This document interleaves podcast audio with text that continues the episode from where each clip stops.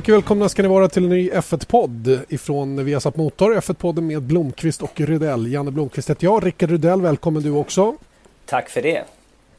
En eh, intensiv helg framför oss med Formel 1-premiär och det är väl det den här podden ska handla om till största delen. Men vi får väl ändå haka fast vid eh, det, ny, det nyhetsmässiga i alla fall inledningsvis då att, eh, att den här eh, kontraktssituationen med Guido van der Schard och Sauber fortsätter att eh, krångla till det lite grann minst sagt. Eh, vad, vad, är din känsla så här långt nu när du har li, lite mer fakta på fötterna så att säga? Ja, eh, man blir faktiskt lite förvånad att, eh, att de sitter i den situationen faktiskt med tre förare som alla har kontrakt för att köra den här helgen och det är bara två bilar. Så att, väldigt, väldigt jobbig situation för, eh, för Sauber helt klart. Och kanske lite förvånad över att eh, hon Monisha Kaltenborg som är teamchef i teamet kom ju faktiskt in eh, för ett antal år sedan som rådgivare åt Peter Sauber för att hon är jurist i bakgrunden. Mm. Och hon då äger ju 33 procent i teamet och har stort intresse och borde ju borde veta liksom vilka vägar som gäller. Man det är konstigt att de har satt sig i den här situationen, helt klart. Ja. Och, det, och då, blir ju, då börjar mitt så här, är det här verkligen rimligt? Kan det verkligen vara på det här viset? Börjar jag tänka direkt då när, när du säger så här.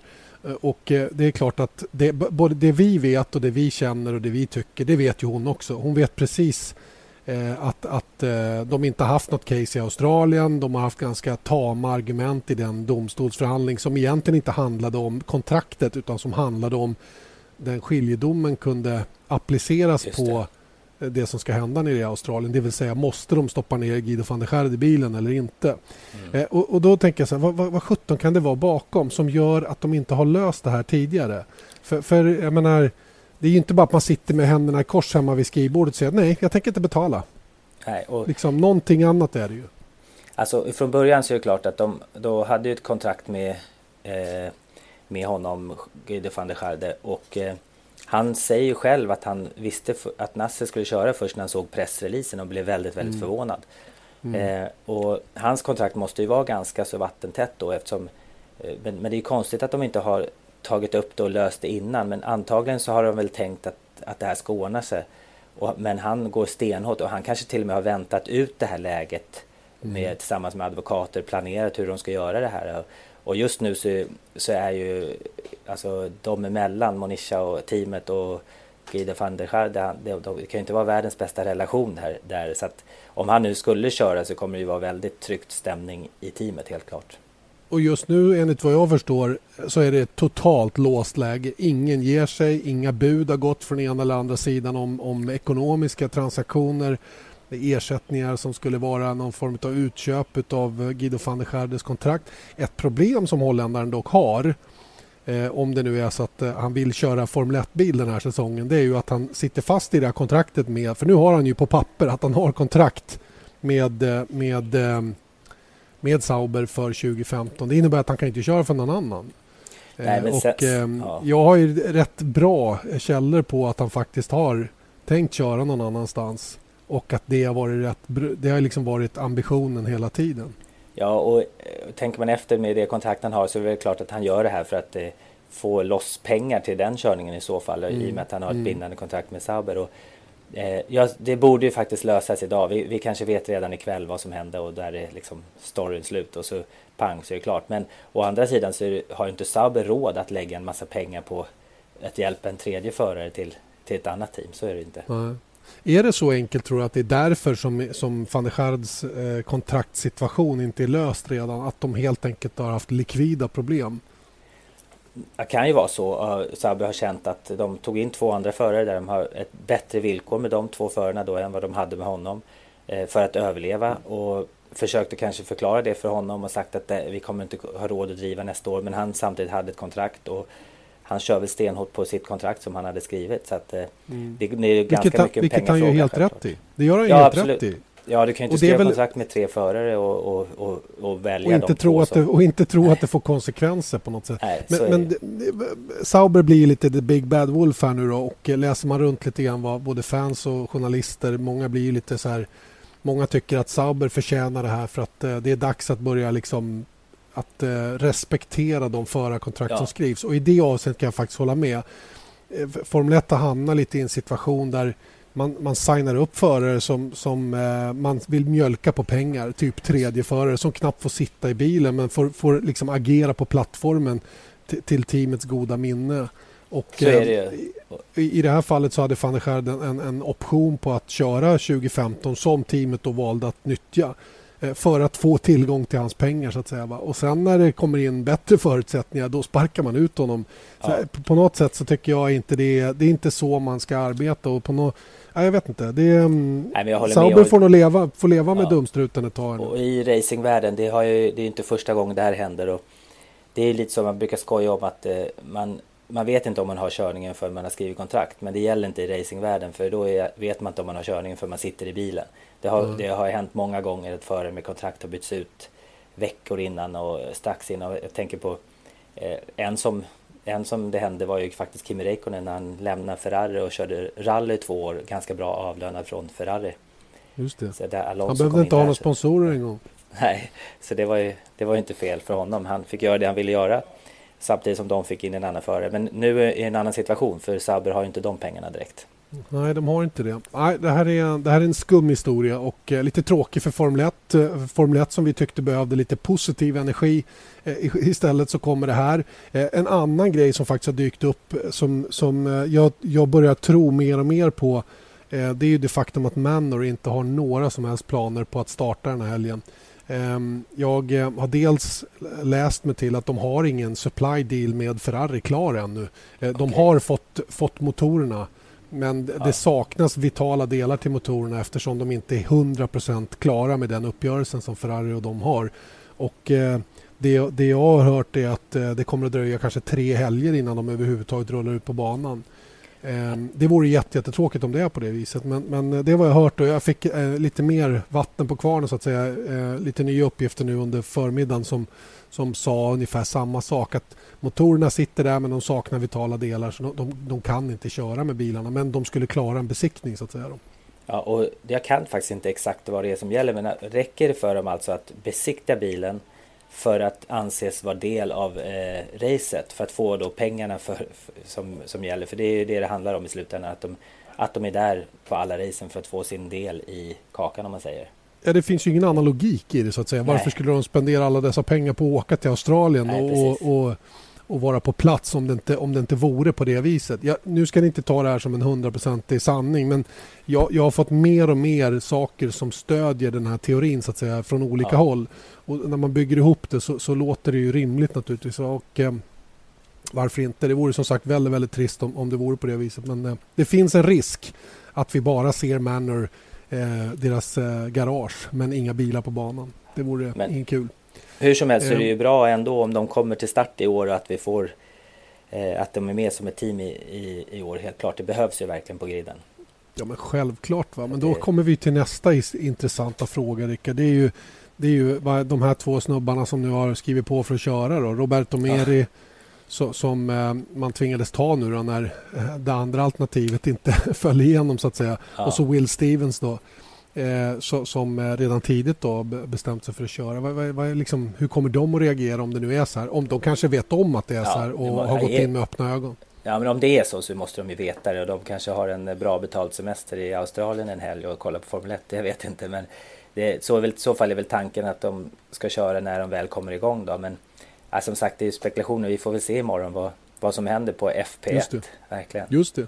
Just det. Imorgon. Det här är alltså torsdag förmiddag när vi spelar in den här podden. Vi ville avvakta lite. Den är lite senare än vanligt men det var bättre att veta lite mer om den här van der affären tyckte vi då innan vi spelade in den. Och imorgon bitti, alltså svensk tid 02.25 rullar ju bilarna ut för det första träningspasset, första träningen säsongen 2015. Jag känner mig lite pirrig. Jag, vill, jag lämnar politiken åt sidan nu Rickard och eh, jag tycker att vi fokuserar på det som faktiskt ska bli kul den här helgen.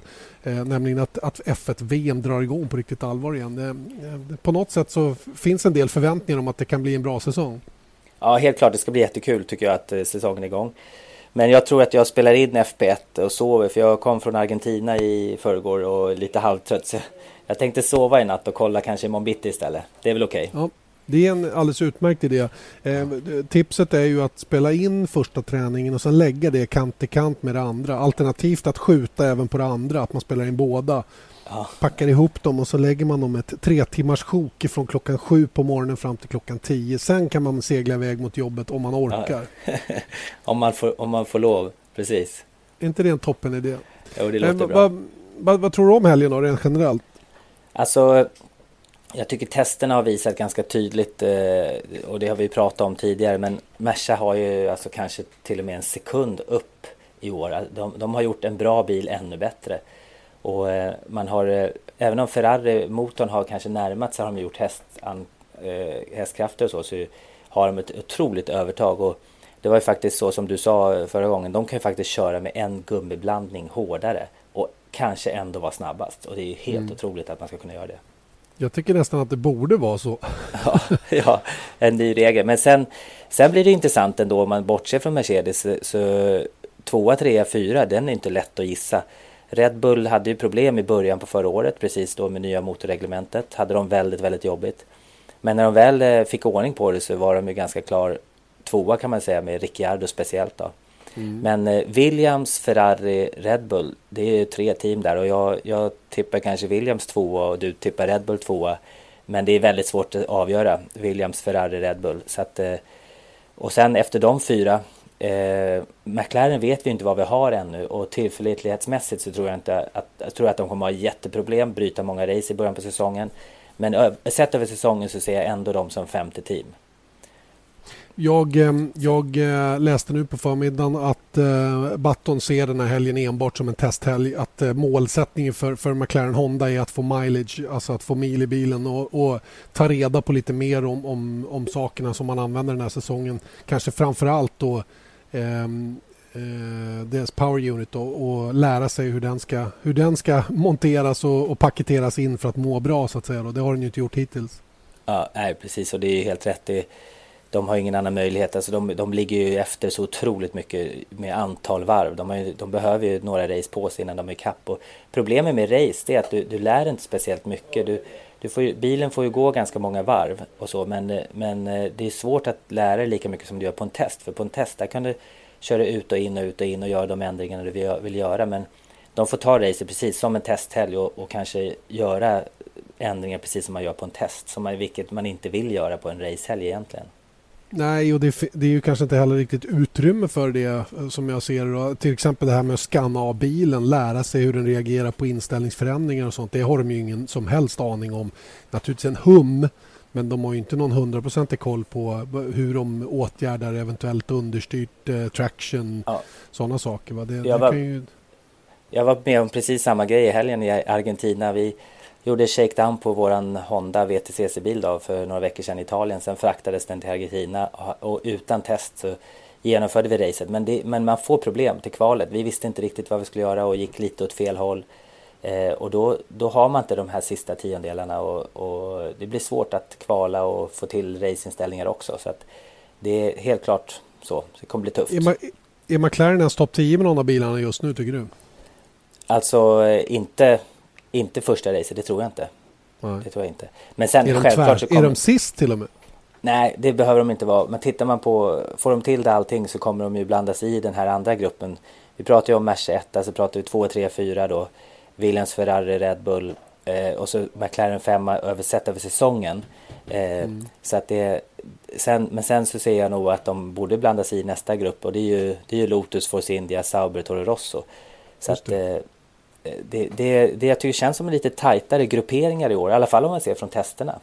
Jo, men det, och det är väl det som kommer att göra den här säsongen lite intressant, upplever jag det som också. Att det, att det just är lite grupperingar där det okej, okay, alla kommer inte kunna köra om VM-titeln men, men eh, det kommer att kunna köra som andra och tredje plats i mästerskapet i konstruktörs-VM. Då. Det kommer att kunna köra som platserna efter det också. Så att intressanta fighter kommer att finnas överallt på något sätt och, och, det är väl det vi får försöka bygga det här mästerskapet på. Och så har det egentligen alltid varit. Det har ju alltid varit en bil eller ett team som har varit lite bättre än alla andra och har man haft tur så har det varit två team som har slåss om det. Va? Men, men eh, så, så, i det avseendet så avviker ju inte den här eran då så att säga med Mercedes alla längst fram. Men jag håller med dig. Jag tror att det kommer att bli grymt bra fighter på banan och väldigt jämnt i de här klustren som du har lyft fram. Då. Ja, absolut. Det blir häftigt att följa. Eh, vad känner du kring Albert Park då? Jag vet att du inte har, du har inte raceat i, i, i, på, på just den här banan men, men själva racing-feelingen i Australien brukar ju vara enorm. Jag har varit där två gånger och vet att det, stämningen är en, ja. alltså det är så mycket folk från torsdag till söndag egentligen. Ja men det är ett jättestort intresse i Australien för racing så är det helt klart. Och jag, jag har kört Bathurst två gånger, en gång med, eller tre gånger faktiskt. Två gånger med Super Touring-bilen. Eh, men sen också i V8 Supercars eh, var jag där 2004 och körde både Sundown och Bathurst. Och Sundown ligger ju utanför Melbourne så det är ju samma stad bodde vi men eh, inte då Adelaide, eh, eller in, inte eh, banan på Melbourne. Så att eh, det var en, en, annan bana men vi har ju varit i stan så, och upplevt eh, intresset i Australien helt klart. Och det, det kommer bli jättehäftigt eh, att följa verkligen. Och första gången de körde där i Melbourne så tror jag då hade de ju någon helt otrolig publiksiffra. Det var väl Eh, uppåt 330 000, 000 ja, ja någonting sånt ja. Ja, alltså, grymt mycket folk. Det är klart på racedagen så har de väl drygt 100 000. Mm. Men eh, väldigt stort intresse i alla fall för racingen i Australien. Just det.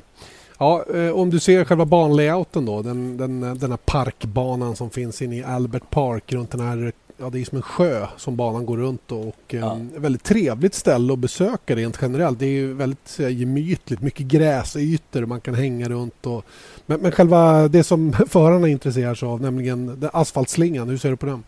Ja men banan, man kan ju inte säga att resultatet i, i Melbourne kommer ju inte visa resultatet för den här säsongen. För det är en lite speciell bana ganska hal bana med dåligt grepp och det är ju, det är ju alla stadslopp eller då parkbanor som man inte kör på eh, vanligtvis. Speciellt då i början på helgen så är det ju jättehalt på banan och innan man har fått ner gummi i asfalten och sånt då. Men och sen är det lite stop and go, alltså få stopp på bilen och så accelerera igen som gör att det blir lite Eh, att det inte är riktigt eh, vägvisande för säsongen. Jag tror att testen som gjordes på Barcelona är mer vägvisande för säsongen, hur bilarna ligger till. Så att man kan få nå en del lite så här surprise eh, resultat i Melbourne ändå faktiskt. Helt klart. Just det. Det tror, det tror faktiskt jag också och eh, det är ju det som gör premiären så eh, extra kul på något sätt. Att, att det kan bli lite tombola av det hela just för att den här banan är så speciell. Jag kommer ihåg ett år, jag minns inte när det var nu, men det är rätt många år sedan kan det vara sista året Bridgestone körde 2010? Ja, möjligen där, 2009-2010. Då kom de dit och, och, det var alldeles för kallt. Det var så mycket kallare än de hade räknat med så att det, det blev ja. bara... De hade jätteproblem att få däcken att fungera och jag vet Schumacher var inne i muren i sista sväng och, och ja, det, var, det var mycket som eh, som trasslade rent generellt av den anledningen. Och sånt kan ju naturligtvis hända när man om man då åker dit och tror att eh, det ska vara 30 eh, grader. Jag, när jag var där första gången, 20, nej, 2008 var jag där, då, då var det alltså 40 grader på torsdagen. Och det var, det var 19 grader på söndagen. Ja, det är helt otroligt. Och menar, det, eller hur? Det ändrar förutsättningarna och helt otroligt. Sen i och med att banan är hal i början på helgen så blir det mer och mer grepp i banan och det måste man ta hänsyn till när man ställer om bilen också. Nu har ju Pirelli valt mellan eh, blandningarna medium och soft såg jag på däck, däcken som de har valt. Det var, och det var ju samma som förra året i och för sig så det, det vet ju teamen om. Men eh, för två år sedan då valde de medium och supersoft. Mm, så att, eh, det. Och det, på en sån här bana så kanske det inte är fel att ha ett ganska lite mjukare däck. Men eh, vi får se. Det, det, är nog rätt däck när vi kommer till söndag. Men det kommer vara fel däck eh, på FP1 och FP2 när banan är hal helt klart. absolut. Eh, du, du pratade lite om eh, publik Selling a little or a lot? Shopify helps you do your thing however you cha-ching. Shopify is the global commerce platform that helps you sell at every stage of your business. From the launch your online shop stage to the first real life store stage, all the way to the did we just hit a million orders stage. Shopify is there to help you grow. Shopify helps you turn browsers into buyers with the internet's best converting checkout. 36% better on average compared to other leading commerce platforms because businesses that grow grow with Shopify. Get a $1 per month trial period at shopify.com/work. shopify.com/work. Botox Cosmetic, out of botulinum toxin A, FDA approved for over 20 years. So, talk to your specialist to see if Botox Cosmetic is right for you.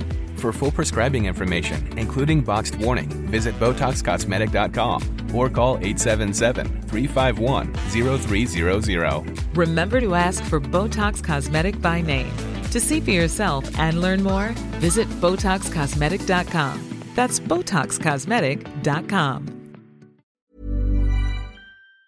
hur mycket folk det har varit och 401 000 var det 96 eh, totalt det, över hela helgen. Men vet du, året 90, då. året innan i Adelaide hade de 520 000. Ja, det är helt... På, men då Nej, tror jag de alltså- höll på i kanske från onsdag till söndag eller någonting sånt. Det var 210 000 på racedagen i Adelaide. Sista gången man körde där. Det som blir skillnaden nu är ju faktiskt att Melbourne då de här åren som de har kört nästan hela tiden, jag tror inte alla år men de flesta så har det ju börjat säsongen och eh, i Adelaide så avslutade de ju säsongen alltid. Just det var det, liksom just det. sista racet på och det har ju faktiskt avgjorts en del mästerskap i Adelaide när man tänker tillbaks. Det ju, har ju hänt en del incidenter som som, eh, som då har avgjort slutresultatet i mästerskapet. Mm. Ja, vi minns ju kanske en speciell då, eller hur? Ja, det finns flera tror jag. Ja, Eh, men det, Schumacher- den, mest kända, den mest kända måste ändå vara 94, är den inte det? När Schumacher körde in i Hilja. Ja. Han, han, körde, han ledde, körde av eh, och han, bilen var skadad. Och sen kommer Hill på insidan och då bara svänger han in för att stoppa honom. Och Hills eh, wishbone eller någonting var det va, som gick sönder så Ja, han fick ju bryta efter några varv, eller kanske samma varv till och med. Så att, ja, det, det var ju, det vart ju mycket snack om den, helt klart. Det var, det var en skaplig skandal får man ändå säga. Men han kom ju undan med det Schumacher och blev världsmästare det där året. Just av den anledningen att han stoppade Hill då i det här sista racet när det själv hade gått på tok för hans egen del. Ja, Eh. Schumacher är ju annars väldigt vinstrik i Australien i Melbourne. Han har vunnit fyra gånger 2000, 2001, 2002 och 2004. Eh, Så han har ju varit framgångsrik. Jenson Button faktiskt näst mest framgångsrik av de eh, som kör just nu. 2009, 10 och 12 vann han. Kimi Räikkönen har vunnit två gånger 2007, 2013. Eh, Vi har vinster också på Fernando Alonso och några till då som har, utav de som eh, av de som kör just nu. Sebastian Vettel har vunnit här 2011 till exempel. Lewis Hamilton vann 2008. Alonso tog sin seger 2006. Eh, 2005 Giancarlo Fisichella i en Renault eh, tog hem segern den gången. Då. Eddie Irvine också en sån här engångsvinnare då 99 i Ferrari. Så att eh, det har varit eh, det är några som trivs lite grann bättre. Jag minns ju en av segrarna som Jenson Button tog. Dels 2009 då när de kom med Ja, Braun Grand Prix och man, man fattade ingenting och de bara slaktade allt motstånd. Ja, det är häftigt och det var faktiskt eh, Honda som la grunden till det eftersom det var ju Mm. Hondas fabriksteam då två år innan. Eh, och hade satsat jättemycket verkligen men sen när bilindustrin vek var de ju tvungna att dra sig ur Formel 1 och kände de. Eh, och Ross Braun köpte teamet billigt, det, ja, det är historia, med Merca-motorer som kanske då var bättre än vad de hade haft innan. Så Ja. att, eh, ja, det var ju det är häftigt. Sen blev Ja, det det då Mercas fabriksteam. Och om det var året efter 2010 när han hade flyttat till McLaren när han vann med Button har ju ofta varit lite lurig när det gäller svåra förhållanden. Jag tror att det regnade och torkade Exakt. upp och fixade dona och Ja. eh, lyckades vinna den gången av den anledningen. Det kan ha varit 2012 också när han tog hem det. Ja. Jag är lite dålig på historien sådär. Jag är inte någon kalenderbitare i det avseendet men jag kan läsa i alla fall. Det är, Ja, det är, en, det är en gåva jag har. Eh, all right, eh, om vi bara ser det till eh, vem som... Eh, du får tippa topp 10 i kvalet nu. Vilka går till Q3 och hur kommer ordningen att vara när de är klara? Ja, men 1-2 är lätt. Hem, alltså, nu var ju i och för sig Rosberg kvalade ut eh, Hamilton förra året och, och vann också Melbourne ju. Just. Eh, men jag säger Hamilton 1, Rosberg 2. Eh, men, och sen har vi ju Williams, Ferrari, Red Bull och jag tippar nog den ordningen faktiskt. Sen eh, inbördes förarna eh, är Mm. ju väldigt svårt.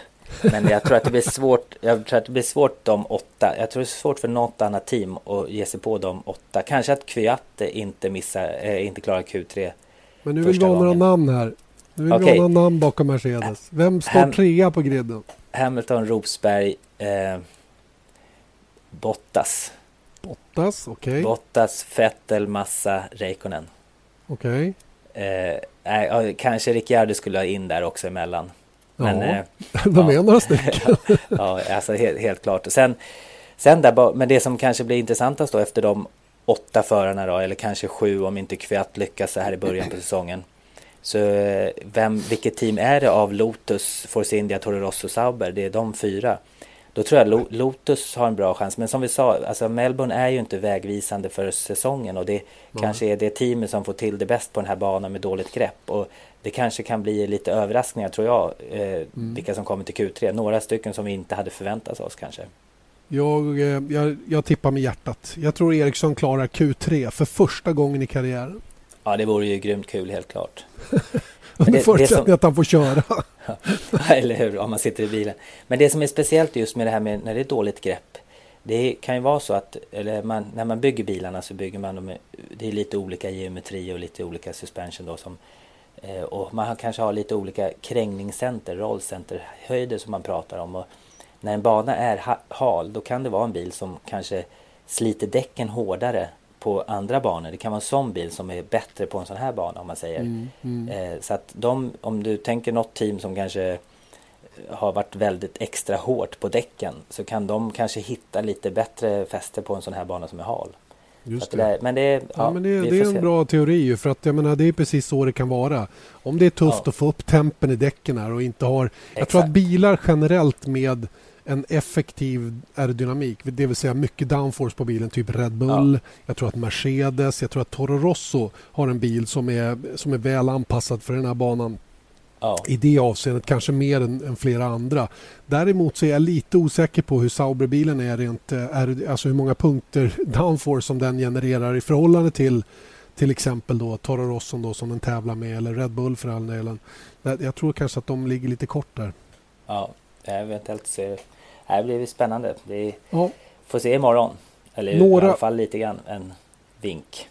Några ord också om eh, historiens yngste Grand Prix-förare som rullar ut i, eller i natt kort och gott. Kan, ja, kanske yngsta någonsin i Formel 1. För han, eftersom... han kanske blir det. Det, kanske, det kommer ju inte att slås där i och med att man inte får köra innan man blir 18 nu från och med ja. nu egentligen. Ja, 18 och sen ett visst antal poäng då i, yngre, i andra klasser och han då som kom från gokart till Formel 3 skulle ju inte varit i närheten att plocka de poängen. Nej, nej. Så att, eh, eh, det är häftigt helt klart och det han har gjort är ju någonting helt otroligt men samtidigt så har, en, har han liksom varit utbildad från att bli Formel 1-förare sedan han var innan 10-årsåldern. Ända sedan han började med gokart och, och fått kört på väldigt professionell nivå i kart och vunnit VM och EM. Och, eh, så att, och sen så hade han ju en säsong i Florida var det va? Han körde innan han körde Formel 3.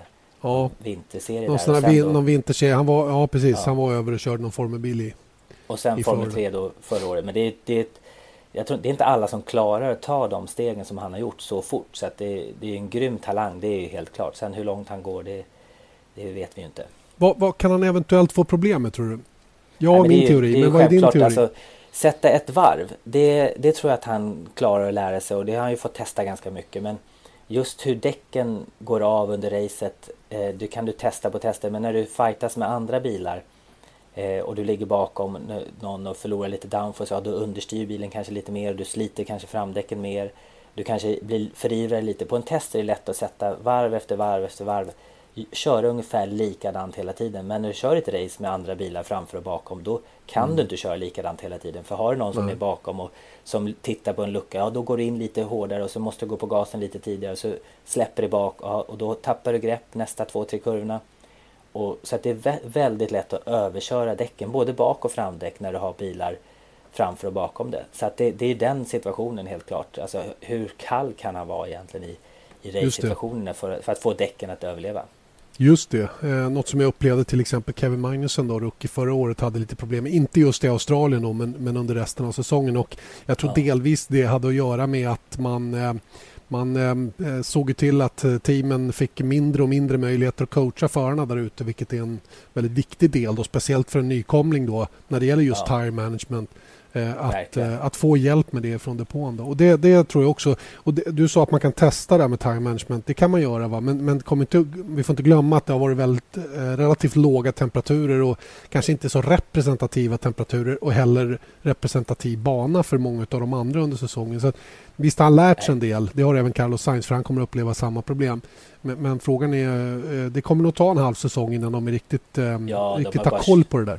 De har ju bara kört på Jerez och Barcelona liksom så det, det, det, finns ju väldigt många olika typer av beläggningar och vad som kommer hända med däcken och eh, olika däckblandningar. Så att det där det lär man sig inte bara i teorin. Så att det, det där måste man ju uppleva själv för att förstå. Liksom. Ja, man måste liksom gnugga in det på något sätt. Ja, ja. Eh, Du, ska vi snabbt också bara eh, highlighta lite grann av eh, regeländringarna till, till den här säsongen. De är, vi behöver inte gå igenom alla för de alla kommer inte ha så där jättestor påverkan på, på livet. Eh, Men eh, till exempel något som du upplevde nere i Argentina nu under, eh, under eh, din premiärhelg. Det här med virtuell säkerhetsbil. Det är ju någonting som man faktiskt eh, väljer Ja. att eh, införa nu då i Formel 1 efter att ha testat det mycket under, under fjolåret. Ja, och alltså det är ju inte fel i... Jag vet, jag körde VLN i höstas på Nürburgring och där, där när det var dubbla gul flagg och en signal så var det 60 km i timmen som gällde tills det vart grön flagg eh, under vissa posteringar och sånt där. Men just med att ha, ha det i displayen, det hade vi nog i Argentina i helgen. Eh, tyvärr satt den ju, hade vi den ganska långt ifrån displayen så att man såg den inte så väldigt bra. Men sen, och sen var den inte riktigt aktiv. Den, den, man såg, flaggorna var ute före vi fick den i bilen. Så att, eh, men det där har de säkert bättre koll i Formel 1. Och, så att det, meningen är att de ska få upp det precis när, samtidigt som de ger meddelan, meddelandet till Ja, jag tror Så de ska ju ha den före i bilen antagligen. ja, jag. jag tror att de ska få en 15, 10 eller 15 sekunders varning för att inte behöva stå på bromsen så att säga när meddelandet kommer. De, Ja, de just det. får typ 10 eller 15 sekunder på sig att ta ner farten till den här delta, delta-tiden då som man får på sin display. Och det är väl, det det är här- väl bra att det funkar på det viset. Ja, det är jättebra. Och det här kommer ju självklart från eh, Bianchis eh, olycka från Suzuka förra året. Och det är klart Mm. att det, det här är ju en säkerhetsgrej som, som eh, är väldigt bra, självklart. Alltså så Mm. säkerhetsmässigt så tar det upp det en nivå till, helt klart. Just det. Ehm, ja, en, en mindre motor att nyttja. Fyra istället för fem mot förra året. Eh, växellådorna ska hålla sex helger istället för fem tidigare. Och eh, man kan inte nominera om utväxlingen den här säsongen. Det kunde man ju förra året. Man fick en joker eh, att göra det då om man inte hade träffat rätt när säsongen startade. Är några av de här eh, Och det är klart det drabbar, grejerna. drabbar McLaren värst som har mest problem. Självklart, de andra har ju ett Mm. års erf- erfarenhet. Men Just det. det, det ser vi först mot slutet av säso- säsongen när de måste sätta in sin femte motor. Exakt. Eh, och, och då kommer vi in på det här med Power Unit Penalties. Det vill säga man får ju bestraffningar då när man nyttjar för många delar i sin, i sin motorenhet. Eh, och då har man ju bestämt sig för att inte låta en eventuell bestraffning hänga med över till efterföljande helg utan man ser till att all bestraffning sker under samma racehelg. Dels får man nedflyttningar på startgriden och lyckas man inte ta bort hela bestraffningen med det ja då omvandlas det som återstår till tidsstraff 5 sekunders eh, stopp, drive-through, 10 sekund, eller 10 sekunder stop and go eh, och allra värst då om man, om man har många platser kvar att ta bort ett, ett, tid, ett tidsstraff då, så att säga. Ja, jag tycker Något det är bra du- för Ja, förlåt. det blir lite surt att få, att få med sig sån här, en sån bestraffning som att man bytt växellåda eller motor. Att få med sig en sån till nästa race som man vill liksom börja på ny kula, det är lite Jag- surt. Så jag tycker det är bra, en bra regel, absolut. Det är ju inget sportsligt straff så att jag menar, det, är, Nej. det är ju faktiskt teamets eh, eller te- motorleverantör, Ja. inte vet jag hur man ska säga på det va? Men, Exakt. Men eh, dessutom har man infört ett 10 sekunders straff, det vill säga ett 10 sekunders stå still i depån i samband med depåstopp alternativt om man är klar i depån att få det pålagt på sluttiden. Eh, Man, har, man införde ett 5 sekunders straff förra året och nu lägger man på fem till då för kanske lite lite grövre eh, förseelser så att säga. Men fortfarande är det här för lindriga grejer. Det ska inte kosta mer än 10 sekunder Nej, alternativt 5 sekunder. Och det handlar ju lite grann, när det är en raceincident, någon är på en annan lite grann och det var, man tycker mm, det kanske var lite tufft och han, den bilen framför kanske kör av lite grann och man kommer om. Och då är det så att de ska kunna justera det vid nästa depåstopp eller lägga på tiden totalen då. då. Eh, Exakt. och där tycker jag det ska vara lite upp till domare. Det borde lika kunna vara 5, 10, 15, 20, 25. De skulle väl kunna bedöma själva vilket straff som var rimligt beroende på hur hårt brottet är så att säga. Det. eh, om man tjänade två platser och 15 sekunder skulle det vara bra om de kunde lägga, ge han 15 sekunder så var han tillbaks på den Just det. platsen han borde kanske vara. Ja. Så att det där kunde ju vara lite öppet till, eh, till domarna tycker jag. Skulle man inte till och med kunna ha en bestraffning som innebär att du måste lämna tillbaka positioner? Det kanske finns redan, jag vet inte, fast den är så svår att applicera för det händer så mycket. Ja. Ett race är ju liksom så, som en organism, det, ju, det står ju aldrig still på något sätt. Utan, Ja, men, där, eh, Men då måste Men man ju det vara var- väldigt snabb med bedömningen i sånt fall. Ja, nu har de i alla fall 5 och 10 så det, det är väl eh, bra. Men de kunde lika gärna ha eh, 5, 10, 15, 20, 25 eller något, inte vet jag. Ja, ja. Ja. Hörru du, inga mer dubbla poäng det är vi glada för. Absolut sportsligt riktigt. Det hade varit fel om någon hade vunnit mästerskapet som låg eh, 30 poäng bakom eller någonting och plocka 50 sista helgen och den andra bryter. Det, det tycker jag. Så att det är väl bra. Att, no, att nolla i ett race med dubbla poäng det är ju inte kul och det är ju Nej. osportsligt kort och gott. Ja. Och det där var ju bara för att få Abu Dhabi att ta finalen förra året. Ja, just det. Eh, Det kommer heller inte att bli några stående omstarter efter säkerhetsbil. Det var ju föreslaget så va, men det där har man strukit. Ja. Eh, och ja, det är väl egentligen de stora grejerna då som, som Och vikten gäller. då, lite, lite Just tyngre det, bilar. bra, bra, bra. Eh, från 691 upp till 702. Det här innebär ju att ingen förare nu kommer att eh, köra med en bil som är överviktig, vilket var ett problem till exempel för Ericsson i Caterham förra året, där han var långt över minimivikten. Precis. I och med att man har höjt den nu med 10 kilo så, så är straffas inte förare. Där sparar han tiondelar helt klart. Jag, jag tycker att man eh, i Formel 1 eh, är fel ute att man inte har infört en förarvikt som man har haft i Touring Cars alla år. I DTM ska föraren inklusive hjälm, overall, underställ och handsystem väga 85. I VTCC är det 80. Mm. Jag vet inte om de är tyngre i DTM eller vad de är men oavsett det så hade, de, hade, man, sagt, hade man satt en vikt på 80 så Ja. hade det i alla fall varit de som väger 60 kilo liksom, plus hjälm kanske väger då 67. De har ju Mm. 13 kilo då som de hade varit tvungna att placera där föraren sitter. Nu, nu kan ju de utnyttja den vikten och placera lite var de vill. Där det är bäst för bilen. Mm. Kanske lägre, lite längre fram eller längre bak beroende på bana och sådana saker. Just Så att eh, där har ju en, en förare som är tyngre har ju nackdel gentemot exempelvis Massa då eller någon annan som Men långt ifrån samma nackdel som det gällde Ja. förra året då när, Ja, när hela bil, hela paketet var långt över minimivikten. Då blir ju den som är tyngre, får, han tappar ju inte Absolut. bara tid, han sliter däck hårdare. Ja, men hela, hela alltihopa blir ju, blir ju sämre helt enkelt. det. Men det, det har man justerat till i år, det tycker jag är bra. Så 11 kilo tyngre bil då, eh, minimiviktsmässigt jämfört med förra året. Eh, och det ska ju då innebära en eh, 35, eh, ja, fyra tiondelar ungefär i varvtid då på en, en, en, en inte- teoretisk vi- bana. Det har vi inte sett på testerna. De har ju varit Tvärtom. ganska mycket snabbare. Mer, det utvecklas mer än vad man tappar där, helt klart. Helt otroligt vad mycket snabbare de är i år Ja. jämfört med förra året. Och mycket har väl det att göra med att eh, de har fått lite bättre ordning på motorerna. Men jag tror också att Pirelli har gjort ett bättre däck. Jag tror att. Pirelli börjar hitta rätt nu. Nu börjar de att verkligen närma sig där man vill att de ska vara. Efter Ja. allt strul som har varit för deras del då tidigare. De har ju fått ganska mycket skäll också. Fick ju det speciellt i början när, när de var med. Förra året kanske inte var lika farligt. Men Nej, det är klart att de lär sig år efter år. Och har ju, från varje racehelg har de ju så mycket information. Så att det är klart att de blir bättre. ja. Du, eh, känner vi oss eh, förberedda nu eller? Klarar vi det här? Tycker jag. Det är du som ska jobba hårt och gå upp mitt i natten. Så att, eh, Eller jag hoppas att du är utvilad. Jag lever på Melbourne-tid redan. Så jag ska Ja. gå och lägga mig nu. Jag ska gå och lägga mig nu. Härligt. Det är bra. Toppen Rickard. Vi hörs om en vecka igen. Då är det dags för en ny F1-podd och då får vi anledning att summera den här första tävlingshelgen. Det kan ju bli spännande det också att se lite grann vad, vad vi kommer fram till och vad vi lärde oss av den racing som eh, då förhoppningsvis kommer att köras med Marcus Eriksson i en av bilarna. Det är ett låst läge mellan Sauber och Guido van der Schard fortfarande men det sägs vara en tidpunkt satt natten nu, eh, alltså torsdag natt i Australien där eh, de har bestämt sig för att nu måste det här lösas och sen får Ja. det vara ur världen. Vi hoppas att det är så. Då kanske vi har lite nya besked till sändningen drar igång imorgon bitti 02.25 alltså är det första träningen drar igång på Vesat Motor. Alright, något att tillägga? Bra.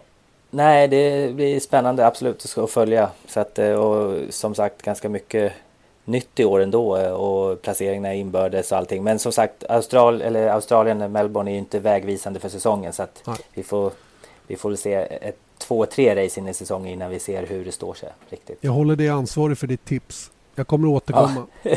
Gör det, det är lugnt. Ja, det är bra. Hej Rickard, vi hörs om en vecka. Tack Janne!